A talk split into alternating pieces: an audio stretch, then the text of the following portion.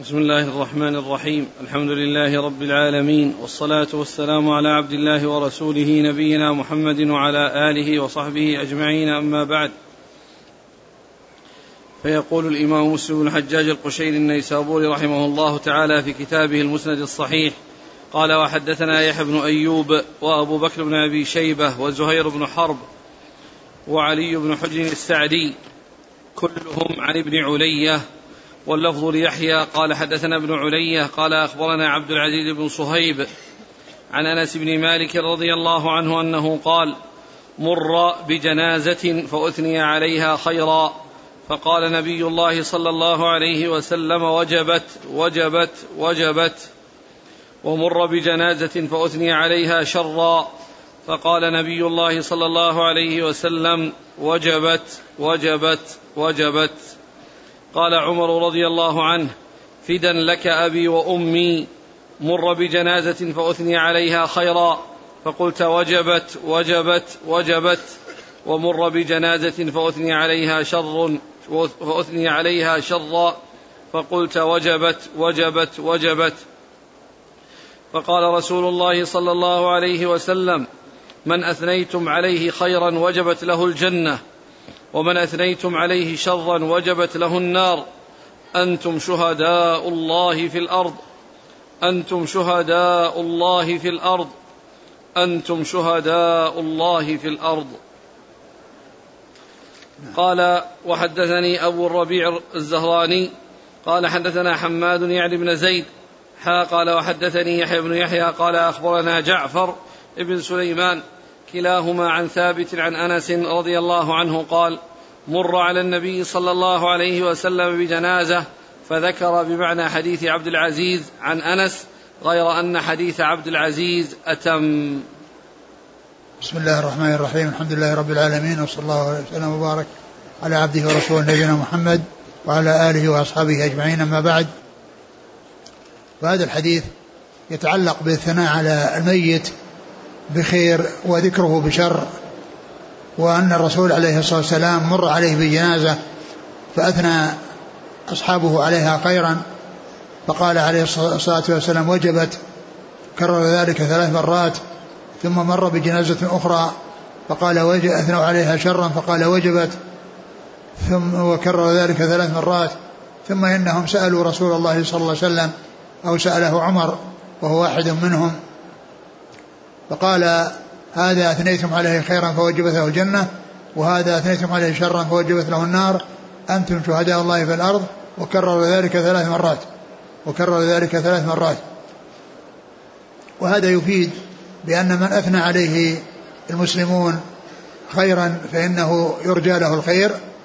و ولكن هذا ليس لا يقال أن هذا يعني متحقق في كل أحد في كل ما يثنى عليه. لا سيما وهذا حصل مع الصحابة والصحابة رضي الله عنهم وأرضاهم يعني أعلم من غيرهم وعندهم ال ال الاعتدال يعني في الثناء والدم بخلاف غيرهم فإنه قد يحصل آه، الثناء على ما لا يستحق الثناء بالخير والثناء على ما لا يستحق الثناء بالشر. ومما يوضح هذا أن الرسول عليه الصلاة والسلام كان في غزوة من الغزوات وكان فيه رجل في القوم لا يعني يحصل منه النكاية في الأعداء وأنه يعني متفوق على غيره في ذلك. فأثنوا عليه وقالوا فلان لا يترك للعدو كذا إلا وفعلها. فقال رسول الله صلى الله عليه وسلم هو في النار. قال عليه الصلاة والسلام هو في النار. فقام رجل من أصحابه وقال أنا آتيكم بخبره فصار يتابعه ويعني ينظر ماذا يفعل وماذا ينتهي إليه. فرأى أنه أصيب بيده بجراحة ولكنه جزع فقتل نفسه.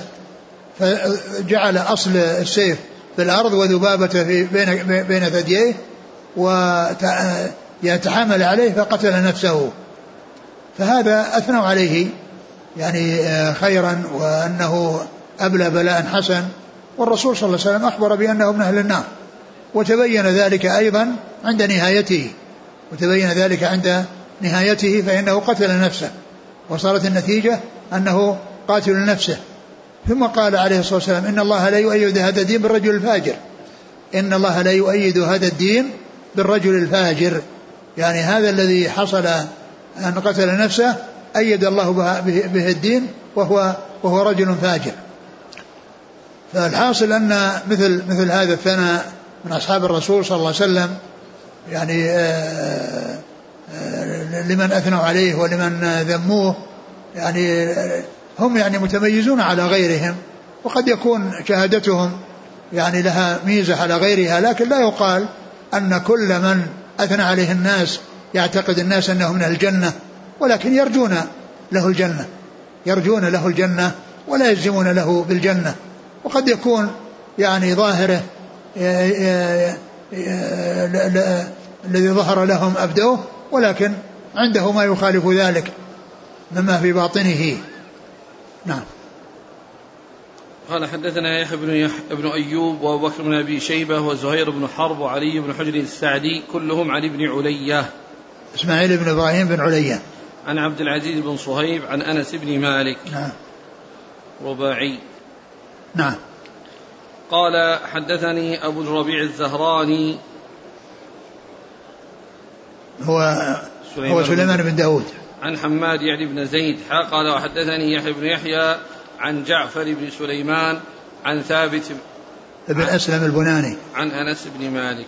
نعم هل في الحديث مشروعية الثناء على الجنازة إذا مر بها على الإنسان أن يذكر كل إنسان ما يعرف. لا ليس بلازم. قال رحمه الله تعالى وحدثنا قتيبة بن سعيد عن مالك بن أنس فيما قرئ عليه عن محمد بن عمرو بن حلحلة عن معبد بن كعب بن مالك عن أبي قتادة بن رب عن أبي قتادة بن ربعي أنه كان يحدث أن رسول الله صلى الله عليه وسلم مر عليه بجنازة فقال مستريح ومستراح منه. قالوا يا رسول الله ما المستريح والمستراح منه؟ فقال العبد المؤمن يستريح من نصب الدنيا والعبد الفاجر يستريح منه العباد والبلاد والشجر والدواب. قال وحدثنا محمد بن المثنى قال حدثنا يحيى بن سعيد حا قال وحدثنا إسحاق بن إبراهيم قال أخبرنا عبد الرزاق جميعا عن عبد الله بن سعيد بن أبي هند عن محمد بن عمرو عن, ابن لكعب بن مالك عن أبي قتادة رضي الله عنه عن النبي صلى الله عليه وسلم وفي حديث يحيى بن سعيد يستريح من أذى الدنيا. ونصبها إلى رحمة الله. ثم ذكر هذا الحديث في قول النبي صلى الله عليه وسلم للذي مر بجنازة عليه فقال مستريح ومستراح منه. فسألوه فقال إن المؤمن يعني يستريح من نصب الدنيا وتعبها وعنائها ومشقتها والذي بخلاف ذلك يستريح الناس منه. يستريح الناس منه ويسلمون من شره ويسلم منها الناس ويسلم منه الدواب والشجر. وبالنسبة للدواب والشجر معنى أن أن أن أن, أن ذنوبه والمعاصي أنها من أسباب يعني منع القطر وتأخر الغيث وحصول الجدب. ف فيكون السلامة أو الهلاك من فيه شر يعني آه، يستريح الناس يستريح الناس منه. وأما ذاك فهو مستريح بنفسه. وهذا يعني يفيد أو ما يوضحه قوله صلى الله عليه وسلم الدنيا سجن المؤمن. الدنيا سجن المؤمن وجنة الكافر. فإن كونه يعني في الدنيا يعني ما يلاقيه من النعب والتعب والنصب هذا هو الذي يحصل له في الدنيا. ولكنه في الآخرة ينتقل إلى إلى يعني إلى ربه ويحصل يعني الثواب على إيمانه وعلى أعماله الصالحة. فإذا آه، قوله مستريح ومستراح منه مستريح بالنسبة للمؤمن ومستراح منه بالنسبة لغيره بحيث يسلم منه العباد من شره وكذلك تسلم منه الدواب والشجر. قال حدثنا قتيبة بن سعيد عن مالك بن أنس عن محمد بن عمرو بن حلحلة عن معبد بن كعب بن مالك عن أبي قتادة بن ربعي. هو الحارث بن ربعي هنا ذكر كنيته واسم أبيه. الحارث بن ربعي أبو قتادة بن ربعي هو الحارث بن ربعي الأنصاري. قال وحدثنا محمد بن المثنى عن يحيى بن سعيد حا قال وحدثنا إسحاق بن إبراهيم عن عبد الرزاق بن همام الصنعاني. جميعا عن عبد الله بن سعيد بن أبي هند عن محمد بن عمرو عن ابن لكعب بن مالك. ومرت تسميته بالذي قبله. عن أبي قتادة. نعم. قال رحمه الله تعالى حدثنا يحيى بن يحيى قال قرأت على مالك عن ابن شهاب عن سعيد بن المسيب عن أبي هريرة رضي الله عنه أن رسول الله صلى الله عليه وسلم نعى للناس النجاشي في اليوم الذي مات فيه فخرج بهم إلى المصلى وكبر أربع تكبيرات.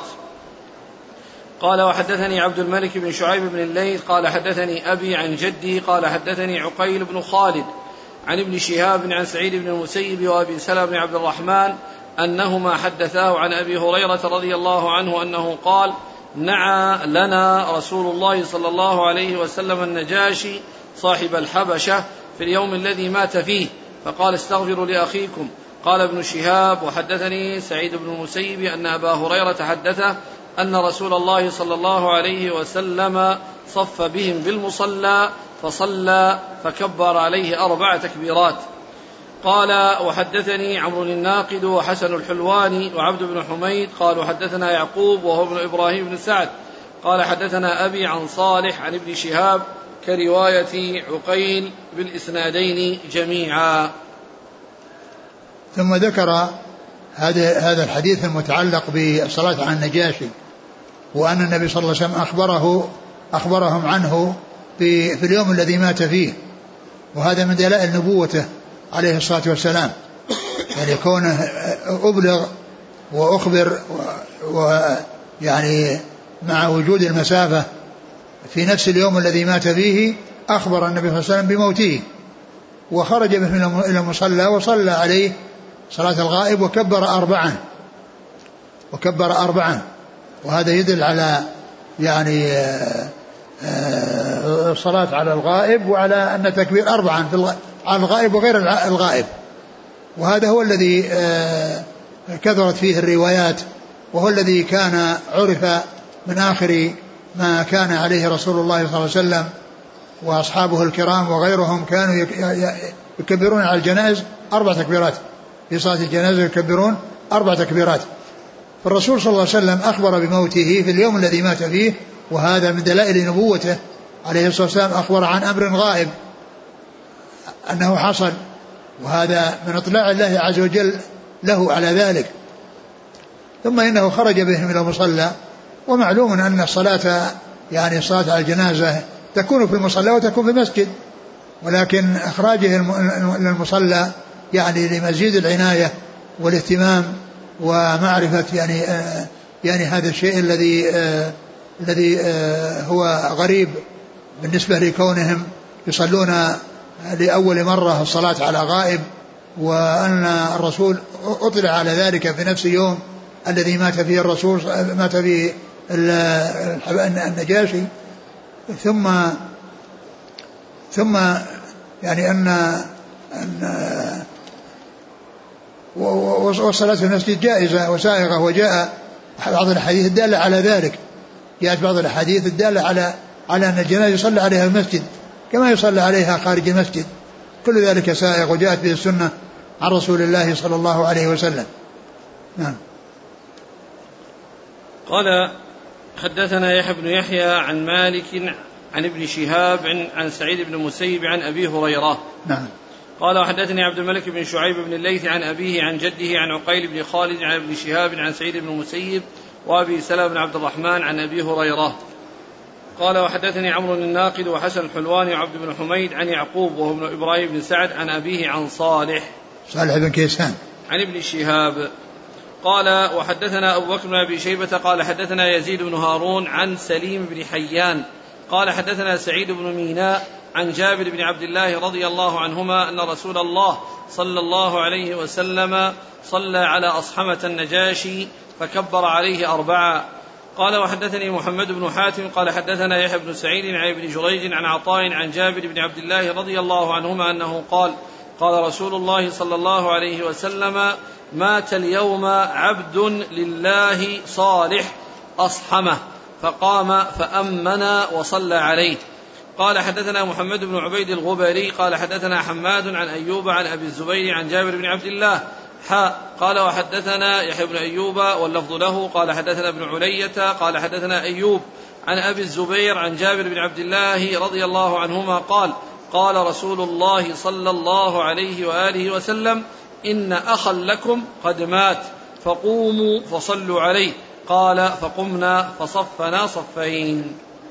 ثم ذكر هذا الحديث أيضا فيما يتعلق بوفاة النجاشي وفي أكثر في بعض الروايات الصلاة مطلقة ليس في ذكر التكبير لكن يحمل يعني هذا المطلق على ما جاء مقيدا من أن التكبيرات التي كبرها عليه الصلاة والسلام أربعة لأن بعضها فيه التقييد بأربعة وبعضها مسكوت عنه.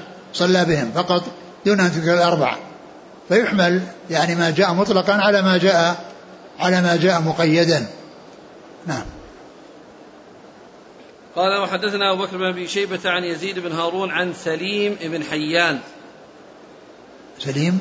نعم. سليم بن حيان هذا هو يعني بفتح السين وأكثر الرواة الذين يعني بهذه الصيغة سليم.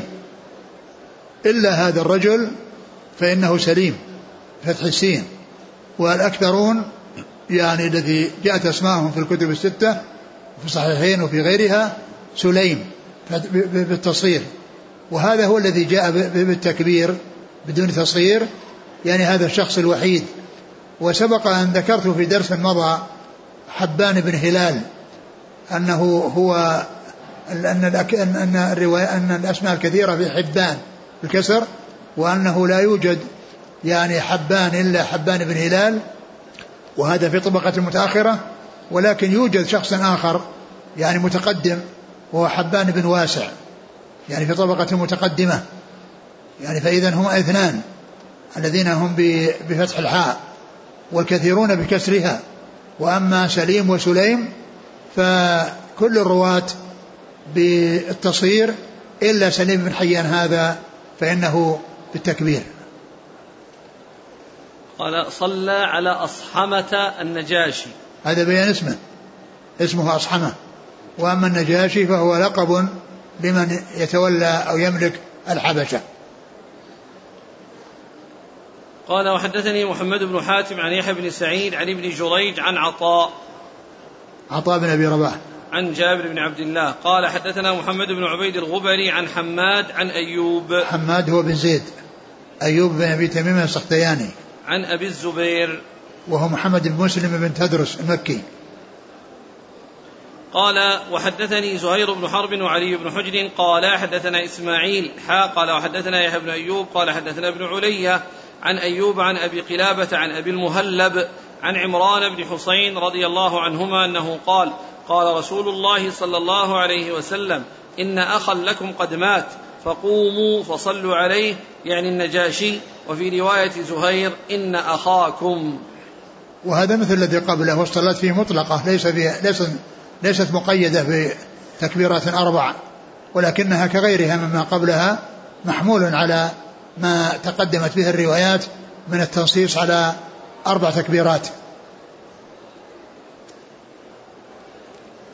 قال وحدثني زهير بن حرب وعلي بن حجر عن إسماعيل ابن علية عن أبي قلا عن أيوب عن أبي قلابة.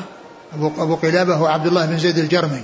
عن أبي المهلب. وأبو المهلب الجرمي هو عم أبي قلابة.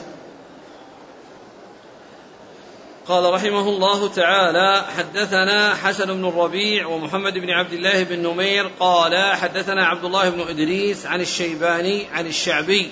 أن رسول الله صلى الله عليه وسلم صلى على قبر بعدما دفن فكبر عليه أربعة. قال الشيباني فقلت للشعبي من حدثك بهذا؟ قال الثقة عبد الله بن عباس. هذا لفظ حديث حسن. وفي رواية ابن نمير قال انتهى رسول الله صلى الله عليه وسلم إلى قبر رطب فصلى عليه وصفوا خلفه وكبر أربعا قلت لعامر من حدثك؟ قال الثقة من شهده ابن عباس. قال وحدثنا يحيى بن يحيى قال أخبرنا هشيم حا قال وحدثنا حسن بن الربيع وأبو كامل قال حدثنا عبد الواحد بن زياد. قال حاء وحدثنا إسحاق ابن إبراهيم قال أخبرنا جرير حا قال وحدثني محمد بن حاتم. قال حدثنا وكيع قال حدثنا سفيان. حا قال وحدثنا عبيد الله بن معاذ قال حدثنا أبي حا قال وحدثنا محمد بن المثنى قال حدثنا محمد بن جعفر قال حدثنا شعبة. كل هؤلاء عن الشيباني عن الشعبي عن ابن عباس عن النبي صلى الله عليه وسلم بمثله. وليس في حديث واحد منهم أن النبي صلى الله عليه وسلم كبر عليه أربعا قال وحدثنا إسحاق بن إبراهيم وهارون بن عبد الله جميعا عن وهب بن جرير عن شعبة عن إسماعيل بن أبي خالد. حاء قال وحدثني أبو غسان محمد بن عمرو الرازي قال حدثنا يحيى بن الضويس قال حدثنا إبراهيم بن طهمان عن أبي حصين كلاهما عن الشعبي عن ابن عباس عن النبي صلى الله عليه وسلم في صلاته على القبر نحو حديث الشيباني ليس في حديثهم وكبر أربعة. قال وحدثني إبراهيم بن محمد بن عرعرة السامي قال حدثنا غندر قال حدثنا شعبة عن حبيب الشهيد عن ثابت عن أنس أن النبي صلى الله عليه وسلم صلى على قبر. ثم ذكر هذه الأحاديث المتعلقة على الصلاة على القبر ومعلوم أن الصلاة تكون عليه إما في المسجد أو في مكان خارج المقبرة ولكن من لم يصلي عليه؟ فإنه يصلي عليه في المقبرة يعني إن صلى عليه قبل الدفن أو صلى عليه بعد الدفن. يعني ولكنه إذا مضى وقت فإنه يصلى عليه بعد الدفن لكن بدون ترك مدة طويلة يعني وإن في وقت قريب يعني لا يكون يعني معناه أنه يصلي متى شاء كيف شاء ولا طال الأمد. يعني ذكر أنه في حدود شهر لكن ما أدري إيش النص الذي يعني اعتمد عليه في كلمة الشهر. والمقصود من ذلك أنه في وقت قريب. بعد الدفن وإذا تطاول الأمد ومضى وقت طويل فإنه لا يصلى عليه وإنما يكتفى بالدعاء عليه بالدعاء له يكتفى بالدعاء له. و وهنا ذكر يعني هذه الأحاديث التي فيها أن النبي صلى الله عليه وسلم صلى على قبر بعدما دفن يعني قال صلى عليه كبر أربعا ومعه بعض أصحابه والذين معه قد يكون أنهم صلوا يعني من قبل وقد يكون بعضهم صلى وبعضهم لا يصلي لكن إذا أعيدت الصلاة أو أن أحدا منهم صلى مع من, من, من صلى لا بأس بذلك. والرسول عليه الصلاة والسلام صلى عليه بعد بعدما دفن. أقرأ المتن اوله قال انتهى رسول الله صلى الله عليه وسلم إلى قبر رطب فصلى عليه. رطب يعني انه حديث العهد بالدفن. يعني فيه يعني رطوبة بمعنى أن الماء الذي يرش عليه لا تزال آثاره ومعنى ذلك أنه قريب قريب جدا. قال يعني رطب نعم. فصلى عليه وصفوا خلفه وكبر أربعة نعم وكبر أربعة. فهذا فيه أن التكبير على الجنازة يكون أربعة يعني سواء كان في الصلاة عليها قبل الدفن أو بعد الدفن. وعده كله. بمعنى أنه وسلم كبر عليه أربعة. نعم. والأخير قال آه ليس في حديثهم وكبر أربعة في صلاة على القبر. وهذا يحمل على يعني الذي فيه عدم التكبير وذكر الصلاة فقط يحمل على ما جاء يعني فيه التكبير أربعة. قال وحدثنا قال حدثنا حسن بن الربيع ومحمد بن عبد الله بن نمير عن عبد الله بن إدريس عن الشيباني. الشيباني هو سليمان بن أبي سليمان. عن الشعبي. عامر بن شراحيل. عن ابن عباس. عن ابن عباس رضي الله عنهما ولما سئل لأنه أولا أخبر أن الرسول صلى الله عليه وسلم فعل كذا فقيل من حدثك بهذا؟ من أخبرك بهذا؟ قال الثقة ابن عباس. ومعلوم أن الصحابة يعني لا يعني يحتاجون إلى توثيق وإنما الشأن فيهم أنهم يكفي أن يعرف أنه صحابي. وإذا كان له ميزة أو منقبة أخرى إضافية إلى الصحبة ككونه شهد بدرا أو شهد الحديبية أو غير ذلك من المناقب فإنها تضاف إليه فيقال صحابي شهد بدرا أو شهد الحديبية. وإلا ما يحتاج ما يحتاج إلى شيء يعني أكثر من صحابي لأن هذا شرف عظيم ومنقبة عظيمة لكون الإنسان يوصف بأنه صاحب رسول الله عليه الصلاة والسلام وأنه صحابي. لكن عامر الشعبي رحمة الله عليه قال الثقة ابن عباس.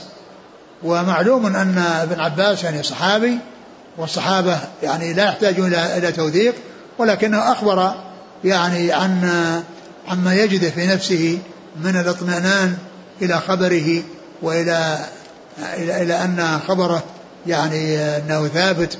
وأنه يعول عليه وإلا فلو لم يقل الثقة كافي. قال لو قال ابن عباس يكفي وابن عباس مشهور وهو من من من ابن عم الرسول عليه الصلاة والسلام واحد السبعة المكثرين من حديث رسول الله صلى الله عليه وسلم. قال حدثنا يحيى بن يحيى عن هشيم. ابن بشير الواسطي. قال حدثنا حسن بن الربيع وأبو كامل. الفضيل بن حسين الجحدري. عن عبد الواحد بن زياد حا قال حدثنا إسحاق بن إبراهيم عن جرير. بن عبد الحميد. قال حا وحدثني محمد بن حاتم عن وكيع عن سفيان. وكيع بن الجراح وسفيان الثوري. إذا جاء وكيع يروي عن سفيان فالمراد به الثوري. وإذا جاء يحيى بن سعيد القطان يروي عن سفيان فالمراد به الثوري. نعم. قال وحدثنا عبيد الله بن معاذ عن أبيه. معاذ بن معاذ العنبري. حا قال حدثنا محمد بن المثنى عن محمد بن جعفر عن شعبة كل هؤلاء عن الشيباني عن الشعبي عن ابن عباس. نعم. قال قال حا وحدثني أبو غسان محمد بن عمرو الرازي عن يحيى بن الضريس عن إبراهيم بن طهمان عن أبي حصين. هو حميد؟ هكذا ذكروه بكنيته. ها؟ ذكر بكنيته. إيه لكنه له اسمه أظن حميد بن كذا. أو بن حميد. قال الأسدي الكوفي ثقة ثبت سني ربما دلس. اسمه؟ ما ذكر له اسم ها؟ هنا هذا الشيخ محمد علي آدم. لا لا هو في في التقريب فيه اسمه. أبو أبو حصين.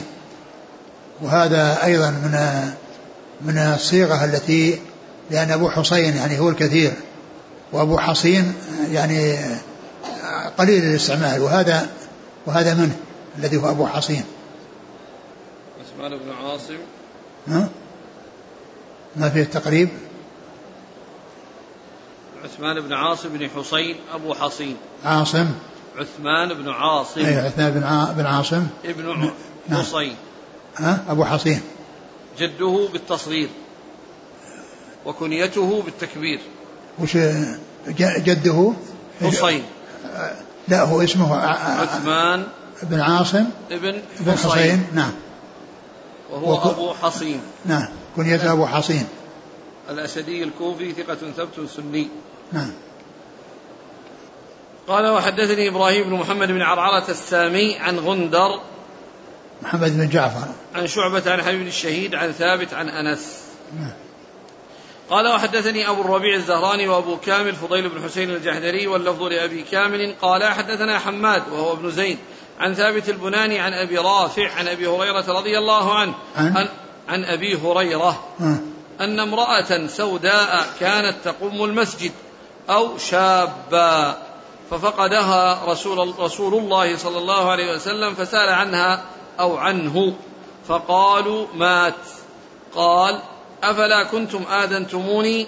قال فكأنهم صغروا أمرها أو أمره. فقال دلوني على قبره فدلوه فصلى عليها. ثم قال إن هذه القبور مملوءة ظلمة, ظلمة على أهلها وإن الله عز وجل ينورها لهم بصلاتي عليهم. وهذا فيه يعني آه، من أمثلة يعني ما تقدم من ذكر الصلاة يعني على على القبر يعني بعد فترة وجيزة من موته. وفيه التنصيص على أن هذا رجل أو امرأة كان يقوم المسجد يعني ينظفه و يعني يخرج منه القمامة القمامة. ففقده الرسول صلى الله عليه وسلم. وهذا يدل على ما كان عليه الرسول صلى الله عليه وسلم من تفقد أصحابه. والسؤال عن من غاب منهم أو أو من فقده فقالوا إنهم يعني هونوا أمره.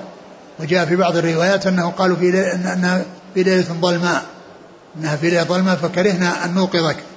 فكرهنا أن نوقظك.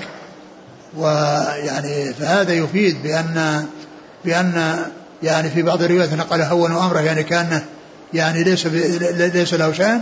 وفي بعضها أنه كانت ليلة ظلماء ولم يريدوا أن يوقظوه عليه الصلاة والسلام بل أرادوا منه أن أرادوا له الراحة. فالرسول عليه الصلاة والسلام قال دلني على قبره ثم ذهب وصلى عليه. وقال إن هذه القبور مملوءة على أهل ظلمة وإن الله ينورها بصلاة عليهم. نعم. قال حدثني أبو الربيع الزهراني وأبو كامل فضيل بن حسين وهذا الكلام الذي الذي جاء الذي قال في في, في الروايات أنها ظلمة يعني هذا يبين يبين فساد ما يقوله الغلاة في رسول الله صلى الله عليه وسلم الذين يقولون أن الرسول لا ظل له إذا خرج في الشمس ما يطلع له ظل لأنه نوره يقابل نور الشمس فلا يكون له ظل هذا من الغلو في رسول الله عليه الصلاة والسلام. فقالوا في ظلمة وكذلك عائشة رضي الله عنها لما جاء في بعض الأوقات والبيوت ليس فيها مصابيح يعني كان إذا إذا سجد غمزها فكفت رجليها وإذا قام مدت رجليها قالت والبيوت يومئذ ليس فيها مصابيح. لو كان الأمر كما يقولون أن نور يقابل نور الشمس وأنه لا ظل له كان يرى يعني يرى عائشة و يعني ولا يحتاج إلى أن يقولوا أنها أنها ليلة مظلمة. نعم. عن حماد بن زيد عن ثابت البناني عن أبي رافع. أبو رافع هو؟ نفيع الصائغ. نعم. عن أبي رافع عن أبي هريرة. نعم. نفيع الصائغ المدني. نعم. قال وحدثنا أبو بكر بن أبي شيبة ومحمد بن المثنى وابن بشار. قالوا حدثنا محمد بن جعفر. قال حدثنا شعبة وقال أبو بكر عن شعبة عن عمرو بن مرة عن عبد الرحمن بن أبي ليلى قال كان زيد رضي الله عنه يكبر على جنائزنا أربعا وإنه كبر على جنازة خمسا فسألته فقال كان وأنه كبر؟ كان يكبر على جنائزنا أربعة أه. وإنه كبر على جنازة خمسا نعم. فسألته فقال كان رسول الله صلى الله عليه وسلم يكبرها. ثم ذكر هذا الحديث عن عن عن زيد بن أرقم رضي الله عنه وأنه كان يكبر على الجنائز اربعا وأنه كبر على جنازة خمسا فقيل له في ذلك قال كان رسول الله صلى الله عليه وسلم يكبرها. وقد جاء يعني جاءت هذه الزيادة لكن الذي استقر عليه عمل الصحابة والخلفاء من بعد الرسول صلى الله عليه وسلم أنهم يكبرون اربعه نعم. قال حدثنا أبو بكر بن أبي شيبة ومحمد بن المثنى وابن بشار عن محمد بن جعفر عن شعبة عن عمرو بن مرة عن عبد الرحمن بن أبي ليلى عن زيد. زيد بن أرقم. يعني الآن الزيادة التكبيرة الخامسة هذه. يعني ترجع إلى الإمام متى ما شاء يزيد أو لها قيد يعني. والله يعني إذا اقتصر على الأربع فهذا هو الذي استقر عليه العمل. وإن, وإن, وإن زادها لا بأس. قال رحمه الله تعالى وحدثنا أبو بكر بن أبي شيبة وعمر الناقد وزهير بن حرب وابن نمير قالوا حدثنا سفيان عن الزهري عن سالم عن أبيه عن عامر بن ربيعة رضي الله عنه قال قال رسول الله صلى الله عليه وسلم إذا رأيتم الجنازة فقوموا لها حتى تخلفكم أو توضع.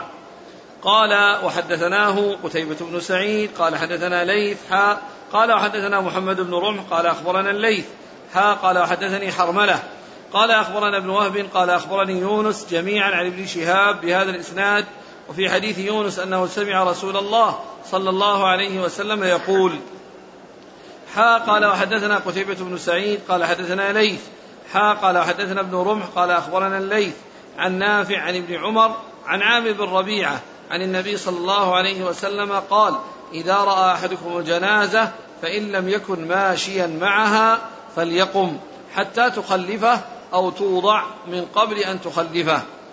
قال وحدثني أبو كامل قال حدثنا حماد حا قال وحدثني يعقوب بن إبراهيم قال حدثنا إسماعيل جميعا عن أيوب حا قال وحدثنا ابن المثنى قال حدثنا يحيى بن سعيد عن عبيد الله حا قال وحدثنا ابن المثنى قال حدثنا ابن ابن عدي حدثنا ابن أبي عدي عن ابن عون. حا قال وحدثني محمد بن رافع قال حدثنا عبد الرزاق قال أخبرنا ابن جريج. كلهم عن نافع بهذا الإسناد نحو حديث الليث بن سعد. غير أن حديث ابن جريج قال النبي صلى الله عليه وسلم إذا رأى أحدكم الجنازة فليقم حين يراها. حتى تخلفه إذا كان غير متبعها. آه، من أوله. إذا رأيتم الجنازة فقوموا لها. يعني هذه الأحاديث كلها تتعلق بالقيام للجنازة إذا مرت. وإذا كان الإنسان يعني آه، هي آه، في مرت وذهبت مسافة بعيدة حتى حتى تتوارى كما جاء في بعض الروايات. وإذا كانت قريبة من القبر وأنها أو توضع قال حتى يخلفها أو توضع بمعنى أنها وضعت وكان يعني قريبا منها فإنه فإنه يقوم. يعني إن كانت المسافة أمامها بعيدة إذا توارت وإذا كانت قريبة إذا وضعت كالذي يكون عند القبر أو قريب من مكان وضعها عند القبر. وهذه الأحاديث كلها تتعلق بالقيام للجنازة. وقد جاء في فيما بعد عن عند مسلم يعني بعض الأحاديث التي تدل على النسخ وترجم لها النووي بقوله نسخ القيام يعني للجنازة. وقد اختلف أهل العلم في ذلك منهم من قال إن إنه يحمل يعني ما جاء من الأمر على الاستحباب وما جاء من الترك على يعني يعني ترك يعني عدم الوجوب وأن هذا هو الصارف عن الوجوب. وبعض أهل العلم قال إنه كان فعله أولا وأنه ترك ذلك فيما بعد. ترك في ذلك فيما بعد فيكون ناسخا. وهذه طريقة الإمام مسلم رحمه الله عندما يذكر الأحاديث المختلفة وفيها ناسخ ومنسوخ فإنه يقدم المنسوخ على الناسخ. يقدم المنسوخ ويؤخر الناسخ. وهذا من جنس الأحاديث التي جاءت في كتاب الطهارة وهو أن الرسول عليه الصلاة والسلام يعني أمر بالوضوء من مست النار فإنه ذكر الأحاديث في الوضوء من مست النار ثم ذكر بعد ذلك الذي نسخها. الحكم الأخير الذي هو النسخ لأنه قال أنه جاء في الحديث أن أن أن آخر الأمرين كان آخر الأمرين من رسول الله صلى الله عليه وسلم ترك الوضوء ما ما النار ذكر قبل ذلك الوضوء الذي هو مطلق ثم ذكر بعد ذلك ترك الوضوء الذي هو عدم الوضوء إلا فيما يتعلق بالوضوء من رحم الإبل فإن هذه مسألة خاصة ومسألة أخرى استثنيت من مما جاء في حديث كان آخر الأمرين من رسول الله صلى الله عليه وسلم ترك الوضوء مما مس النار لأنه جاء نص خاص في الإبل فيكون هذا الحكم خاص بها لا يتعداها إلى غيرها. وأما غيرها فإن الأمر في ذلك كان موجودا وبعد ذلك وبعد ذلك نسخ. نعم.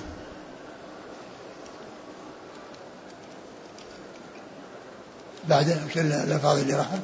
قال إذا رأى أحدكم الجنازة فإن لم يكن ماشيا معها فليقم. إذا رأى إذا رآها يعني مقبلة يقوم حتى تخلفه. وأما إذا كان ماشيا معها خلاص يعني هو ماشي معها. نعم أو أنه يمشي معها يقوم يمشي معها. يعني إذا مرت أو رآها فإن أراد أن يمشي معها مشى وإن أراد أن لا يمشي فإنه يجلس إذا إذا يعني توارت. نعم. قال حدثنا أبو بكر بن أبي شيبة وعمر الناقد وزهير بن حرب وبن نمير عن سفيان عن الزهري. بن نمير محمد بن عبد الله بن نمير وسفيان هو الثوري. سفيان عن الزهري. عن سفيان الزهري بن عيينة. إذا جاء سفيان يروي عن ابن عيينة آه، ابن عيينة يروي عن سفيان فالمراد به ابن عيينة. إذا جاء سفيان يروي عن الزهري وهو غير منسوب فإنه يحمل على أنه ابن عيينة. نعم. قال وحدثناه قتيبة بن سعيد عن ليث. ليث بن سعد المصري. حا قال حدثنا محمد بن رمح عن ليث قال حا وحدثني حرملة عن ابن وهب. حرملة بن يحيى التجيبي عبد الله بن وهب المصري. عن يونس عن ابن شهاب. يونس بن يزيد الأيلي. قال وحدثني أبو كامل عن حماد. أبو كامل الجحدري حماد بن زيد. قال حا وحدثني يعقوب بن إبراهيم عن إسماعيل. بن علية قال حا وحدثني ابن المثنى عن ابن أبي عدي. وهو محمد بن إبراهيم. عن ابن عون. عبد الله بن عون. قال حدثنا عثمان بن أبي شيبة قال حدثنا جرير عن سهيل بن أبي صالح عن أبيه عن أبي سعيد رضي الله عنه قال قال رسول الله صلى الله عليه وسلم إذا اتبعتم جنازة فلا تجلسوا حتى توضع.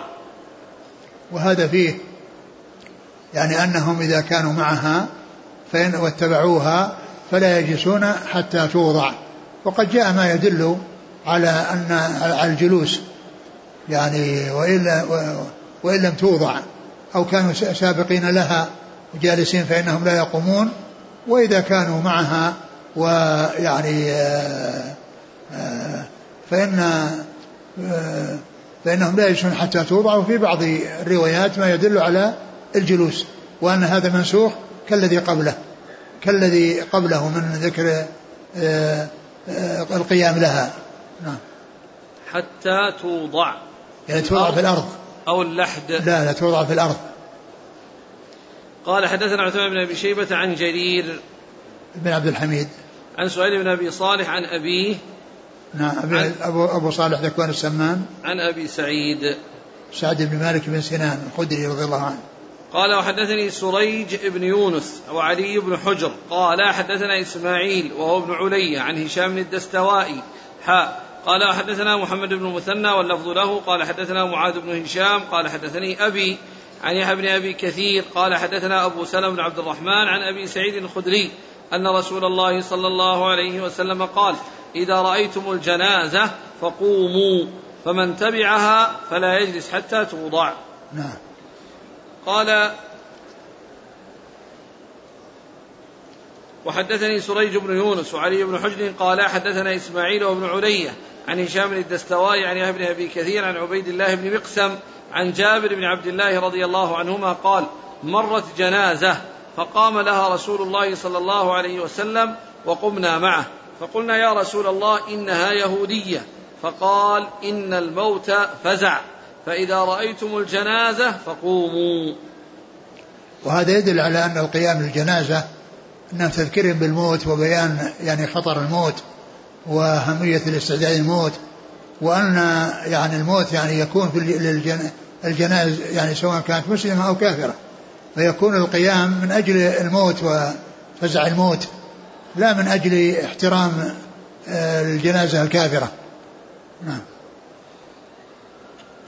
قال وحدثني محمد بن رافع قال حدثنا عبد الرزاق قال أخبرنا ابن جريج قال أخبرني أبو الزبير أنه سمع جابرا يقول قام النبي صلى الله عليه وسلم لجنازة مرت به حتى توارت. وهذا فيه يعني بيان أن أن القيام يعني إذا كانت أنها تذهب مسافة حتى تتوارى يعني تختفي لبعدها. نعم. قال وحدثني محمد بن رافع قال حدثنا عبد الرزاق عن ابن جريج قال أخبرني أبو الزبير أيضا أنه سمع جابرا يقول قام النبي صلى الله عليه وسلم وأصحابه لجنازة يهودي حتى توارت. نعم. قال حدثنا أبو بكر بن أبي شيبة قال حدثنا غندر عن شعبة حا قال حدثنا محمد بن مثنى وابن بشار قال حدثنا محمد بن جعفر قال حدثنا شعبة عن عمرو بن مرة عن ابن أبي ليلى أن قيس بن سعد وسهل بن حنيف رضي الله عنهما كانا بالقادسية فمرت بهما جنازة فقاما فقيل لهما إنها من أهل الأرض فقالا إن رسول الله صلى الله عليه وسلم مرت به جنازة فقام فقيل إنه يهودي فقال أليست نفسا؟ قال وحدثنيه القاسم بن زكريا قال حدثنا عبيد الله بن موسى عن شيبان عن الأعمش عن, عن, عن عمرو بن مرة بهذا الإسناد وفيه فقال كنا مع رسول الله صلى الله عليه وسلم فمرت علينا جنازة. وهذا فيه يعني مثل الذي قبله أن لما قالوا إنها من أهل الأرض يعني إنهم من أهل الذمة. فالرسول فقال أليست نفسا؟ قال أليست نفسا؟ يعني معناها أنها نفس يعني حصل لها الموت. فهو مثل الكلام على ما مر بالنسبة لليهود والنصارى لليهود أو الجنازة اليهودي. ولكن هذا كما كما سيأتي يعني ذكر مسلم رحمه الله الأحاديث الدالة على النسخ. نعم. قال حدثنيه القاسم بن زكريا عن عبيد الله بن موسى عن شيبان. شيبان بن عبد الرحمن. عن الأعمش عن عمرو بن مرة. الأعمش سليمان بن مهران. عن ابن أبي ليلى. عبد الرحمن بن أبي ليلى. عن قيس بن سعد قيس بن سعد بن عبادة, بن عبادة رضي الله عنه. وهذا مشهور بالطول يعني طويل جدا. وقد قيل أن أن واحدا من من الروم أو من يعني قال إنه يريد ان إنه طويل ويقول إنه يعني يبحث عن أحد يطاوله.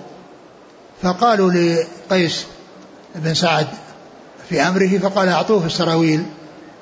التي يلبسها فاعطوها اياه فوصلت إلى حلقه. لما لبس سراويل سعد قيس بن سعد وصل يعني أعلاها إلى حلقه. نعم. قال رحمه الله تعالى وحدثنا قتيبة بن سعيد قال حدثنا ليث حاء قال حدثنا محمد بن رمح ابن المهاجر واللفظ له. قال حدثنا الليث عن يحيى بن سعيد عن واقد بن عمرو بن سعد بن معاذ أنه قال رآني نافع بن جبير ونحن في جنازة قائما وقد جلس ينتظر أن توضع الجنازة فقال لي ما يقيمك؟ فقلت أنتظر أن توضع الجنازة. لما يحدث أبو سعيد الخدري رضي الله عنه فقال نافع. فإن مسعود بن الحكم رضي الله عنه حدثني عن علي بن أبي طالب رضي الله عنه أنه قال قام رسول الله صلى الله عليه وسلم ثم قعد. قال وحدثني وهذا هو هذا هو الناسخ يعني أن هذا كان في أول الأمر عن رسول الله ثم قعد. يعني في آخر الأمر. وجاء في بعض الروايات عند غير مسلم أنه جلس فيما بعد أو أنه قعد فيما بعد. يعني معناه أن أن القيام كان متقدما وأن الجلوس كان متأخرا فيكون المتأخر ناسخا للمتقدم. قال وحدثني محمد بن المثنى وإسحاق بن إبراهيم وابن أبي عمر جميعا عن الثقفي. قال ابن المثنى حدثنا عبد الوهاب. قال سمعت يحيى بن سعيد قال أخبرني واقد بن عمرو بن سعد بن معاذ الأنصاري أن نافع بن جبير أخبره أن مسعود بن الحكم الأنصاري أخبره أنه سمع علي بن أبي طالب يقول في شأن الجنائز إن رسول الله صلى الله عليه وسلم قام ثم قعد. وإنما حدث بذلك لأن نافع بن جبير رأى واقد بن عمرو قام حتى وضعت الجنازة. نعم هذا كله يعني يدل على أن آخر الأمرين عن رسول الله صلى الله عليه وسلم يعني الترك. وهذا عن علي رضي الله عنه. نعم. قال وحدثنا أبو كريب قال حدثنا ابن أبي زايدة عن يحيى بن سعيد بهذا الإسناد. ابن أبي زايدة يحيى بن زكريا ابن أبي زايدة قال وحدثني زهير بن حرب قال حدثنا عبد الرحمن بن مهدي قال حدثنا شعبة عن محمد بن المنكدر قال سمعت مسعود بن الحكم يحدث عن علي قال رأينا رسول الله صلى الله عليه وسلم قام فقمنا وقعد فقعدنا يعني في الجنازة. نعم. قال وحدثناه محمد بن أبي بكر المقدمي وعبيد الله بن سعيد قال حدثنا يحيى وهو القطان عن شعبة بهذا الإسناد. نعم. يقول السائل الموت ما زال فزع فزعا فإن كان القيام للموت فلماذا نسخ القيام مع وجود السبب وهو الفزع؟ الناس يقتدون بالرسول صلى الله عليه وسلم فيما جاء عنه وقد جاء عنه القيام ولما فيه من الفزع وجاء عنه آخر في آخر الأمرين الجلوس. فيعمل بما عمل به الرسول صلى الله عليه وسلم ويقتدى به عليه الصلاة والسلام ولا يقال إنه لما علل بالفزع معناه إنه يستمر الحكم هو هو نسخه عليه الصلاة والسلام. في بلدنا إذا مرت الجنازة يقوم لها الجميع فإذا جلس الواحد منا ازدروه فهل أقوم مراعاة للاختلاف؟ والله أنا كما قلت لك فيه إلى أهل العلم يقول إن أن أن الحكم الاستحباب باقي. الاستحباب يعني باقي. يعني ان, إن, إن من أهل العلم من يقول ان إنه يقام لها ولكنه مستحب وليس بواجب. لكن الحديث اللي جاءت عن علي تفيد بأنه كان هذا في أول أمر وأنه فيما بعد الرسول صلى الله عليه وسلم ترك ذلك. فالقيام يعني فيه من قال به من أهل العلم وأنه لم ينسخ.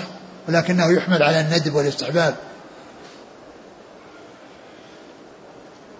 قال رحمه الله تعالى وحدثني هارون بن سعيد الأيلي قال أخبرنا ابن وهب قال أخبرني معاوية بن صالح عن حبيب بن عبيد عن جبير بن نفير انه سمعه يقول سمعت عوف بن مالك رضي الله عنه يقول صلى رسول الله صلى الله عليه وسلم على جنازة فحفظت من دعائه وهو يقول اللهم اغفر له وارحمه وعافه واعف عنه وأكرم نزله ووسع مدخله واغسله بالماء والثلج والبرد ونقه من الخطايا كما نقيت الثوب الأبيض من الدنس وأبدله دارا خيرا من داره وأهلا خيرا من أهله وزوجا خيرا من زوجه وأدخله الجنة واعذه من عذاب القبر أو من عذاب النار.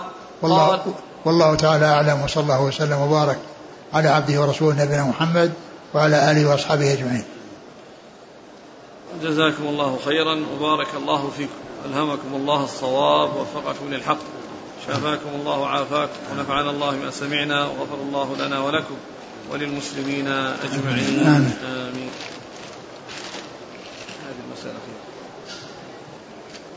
نقرأ عليكم من كلام الشيخ محمد علي آدم في وش؟ في قضية هل النسخ أو القول بالاستحباب. نعم. يقول عن الحديث الأخير اللي فيه رآني نافع بن جبير ونحن في جنازة فقال قد جلس قد جلس ينتظر أن توضع. فقلت أنتظر أن توضع فقال لما يحدث أبو سعيد الخدري؟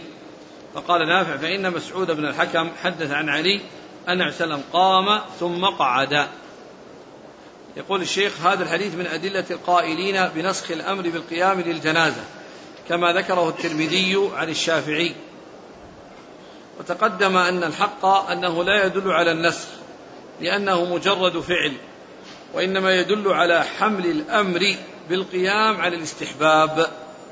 فالأرجح ما ذهب إليه أحمد وإسحاق من جواز الأمرين وأن الحديث إن دل على النسخ فإنما يدل على نسخ الوجوب لا على نسخ المشروعية أصلا. وأما رواية من رواه بزيادة وأمرهم بالقعود فتقدم بأنها ضعيفة فلا تقاوم الأحاديث الصحيحة الصريحة بالأمر بالقيام. والحاصل أن القيام للجنازة مطلقا مستحب لصحة الأحاديث به دون معارض. بس القول القول بالنسخ كما هو معلوم يعني كونه ترك فيما بعد يعني معناه أن شيء حصل منه اولا ثم تركه اخرا. مثل مثل ما ما, ما أشرت إليه فيما يتعلق كان آخر الأمرين من رسول الله صلى الله عليه وسلم ترك الوضوء مما مسجد النار. كان آخر الأمرين من رسول الله صلى الله عليه وسلم ترك الأمرين ترك الوضوء مما مسجد النار. يعني هذا متأخر فيكون فيكون ناسخا. والقول بأنه مستحب يعني آه، فيه أن أنه صرف يعني إلى الاستحباب. لكن فعل الرسول صلى الله عليه وسلم الذي فعل وأمر يعني أخبر أو جاء عنه أنه ترك فإذا يكون ناسخا والأمر في ذلك واسع. إن إن فعله وأداء أتى على أنه مستحب يعني فقد قال بذلك بعض العلم وإن تركه أصلا فإنه يعني جاء ما يدل على تركه. وهذا كما قلت موافق لطريقة مسلم أنه يذكر المنسوخ أولا ثم يذكر الناسخ يقول أبو بكر بن المنذر في كتابه الأوسط قد اختلفوا في القيام للجنائز إذا مرت فقالت طائفة يقوم لها فعل ذلك أبو مسعود البدري وأبو سعيد الخدري وقيس بن سعد وسهل بن حنيف وسالم بن عبد الله ورأت الطائفة ألا يقوم المرء للجنازة تمر به. مر على سعيد بن المسيب جنازة فلم يقم لها. وكان عروة بن الزبير يعيب من يفعل ذلك. وقال مالك ليس على الرجل أن يقوم للجنازة إذا رآها ولا يقعد حتى تجاوزه. مسلما كان أو كافرا. وقال الشافعي لا يقوم للجنازة من لا يشهدها من لا يشهدها والقيام لها منسوخ. وقال أحمد إن قام لم يقعد وإن قعد فلا بأس. وكذلك قال إسحاق وقال أحمد قوله فليقم إنما ذا على القاعد يقوم. قال أحمد من قام للجنازة فذاك ومن لم يقم ذهب إلى حديث علي رضي الله عنه قام رسول الله صلى الله عليه وسلم فقمنا وقعد فقعدنا. قال أبو عبد الله أما أنا فلا أقوم. قال ابن المنذر رحمه الله مذهب أحمد وإسحاق حسن في الوجهين.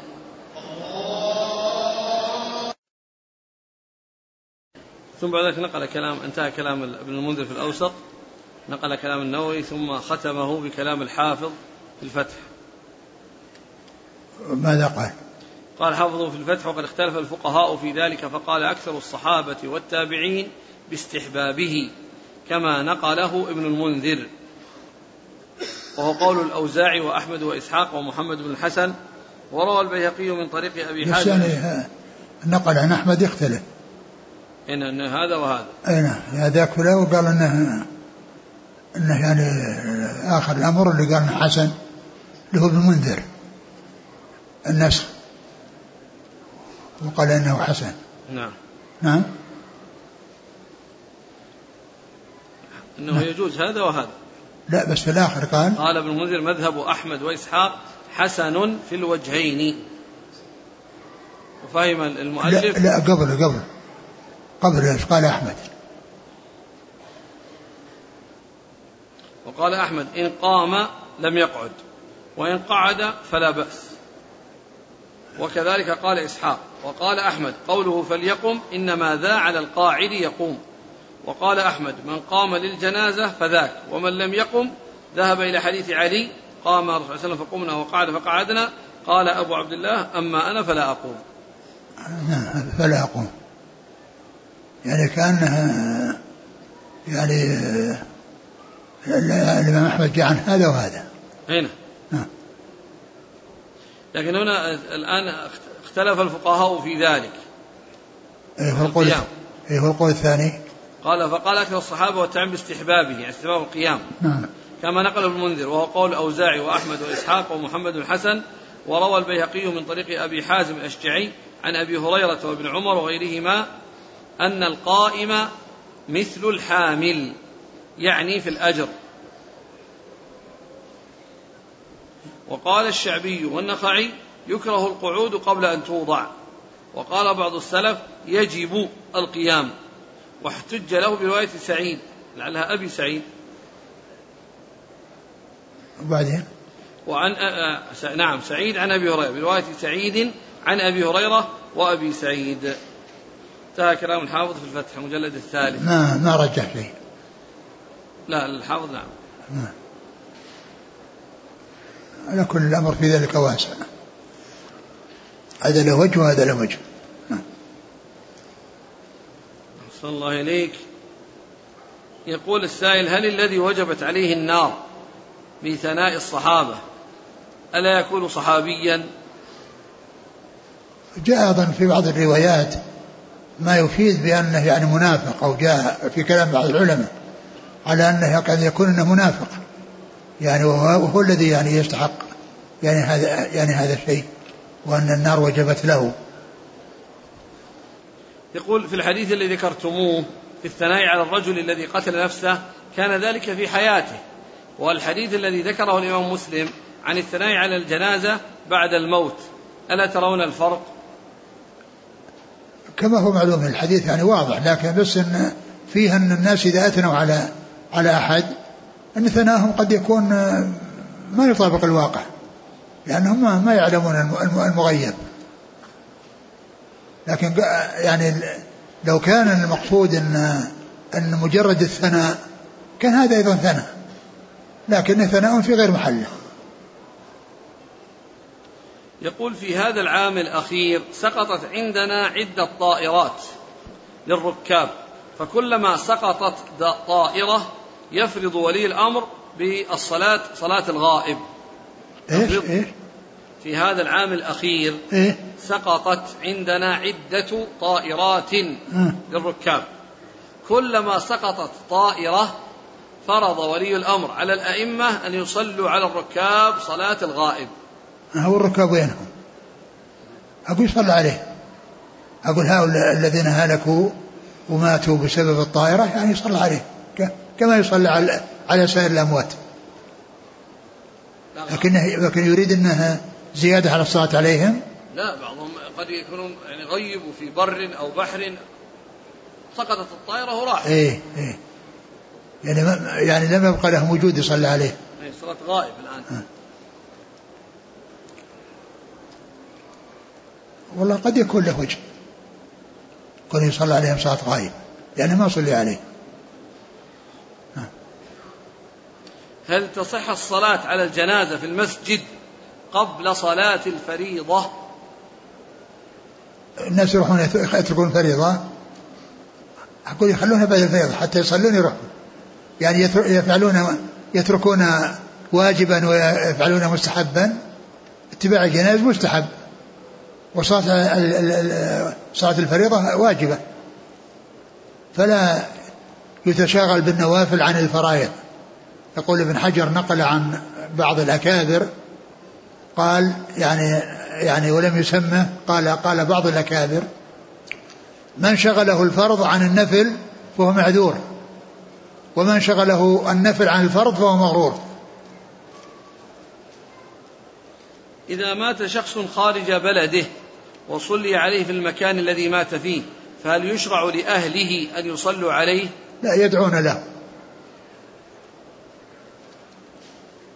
هل يستدل بقوله صلى الله عليه وسلم أنتم شهداء الله في الأرض على أن الأئمة الأربعة في الجنة؟ أقول يرجع. من من من الذي لم تأتي له شهادة من رسول الله صلى الله عليه وسلم يرجى له. هذه طريقة أهل السنة. من ثبت له أنه من الجنة يشهد له ومن ثبت أنه من النار يشهد له بالنار ومن كان غير ذلك فيرجى للمحسن ويخاف على المسيء. هل تجوز الصلاة على الميت في المقبرة؟ لا يجوز أن تكون المقبرة هي مكان للصلاة. ولكن من فاتته الصلاة في خارج المقبرة يصلي في المقبرة. وهل يشترط أن لا يكون قد صلي عليها؟ في المقبرة؟ لا ما صلي عليها. هل يشترط لكي تعاد أو تصلى عليها في المقبرة؟ أن ما يكون صلوا عليها من قبل في مسجد من المساجد مثلا. يمكن يمكن يصلون عليها. نعم. يعني ما ما يشترط. لا هل في شرط الصلاة على الجنازة في المقبرة أن لا يكون قد صلي عليها من قبل في أحد المساجد؟ لا الناس الذي فاتهم الصلاة هم اللي يصلون. إذا تتعدد الصلاة عليها يعني. أي ما تتعدد الصلاة على اعتبار أن هذول في المقبرة فاتتهم الصلاة صلوا. مثل ما صلى الرسول على القبر ومعه أصحابه وقد صلي عليه قبل ذلك. يقول أبي توفي في دولة أخرى فقطعت عهدا على نفسي أن أذهب وأزور قبره. فماذا ترى في ذلك؟ أقول لا تذهب. ادعو له ولا تذهب. لا تشد الرحال إلا إلى ثلاث مساجد. يقول إذا صليت على جنازة وأنا إمام ثم جاءت جماعة أخرى فأتتهم الصلاة فطلبوا مني أن أصلي بهم. هل أصلي مرة أخرى بهم إماما على الجنازة؟ ما في إمام غيره؟ أقول ما في حديث ولا صلاة الجنازة غيره؟ يعني يصلي فيه وصلى غيره يصلي. وإن صلى و... و... بس تتكرر الصلاة منه. لكن بالنسبة للمؤمنين ممكن. لو تكررت لأن الرسول صلى الله عليه وسلم لما صلى على الجنازة في القبر, في القبر صلى معه ناس. ليس بلازم أن يكون هؤلاء الذين صلوا معه كلهم قد صلوا. يقول في بلدنا يلقي الإمام بعد الدفن موعظة على الحاضرين فما حكمها؟ هذا ليس من السنة. هل ننصرف قبلها أم نحضرها؟ ادعوا يعني على القبر وأحيطوا بالقبر وادعوا له بالتثبيت وانصرفوا. هل صلاة الجنازة آه، على الغائب لا تكون إلا بأمر من ولي الأمر؟ لا شك. هذا يعني ليس معنى ذلك أن أئمة المساجد كل ما طرى لهم يصلون على أحد يعني غائب يعني يعني يصلون ويفعلون. أقول لا شك كونها تناطب ولي الأمر هذا هو, هو, هو الأصل. إذا مات الإنسان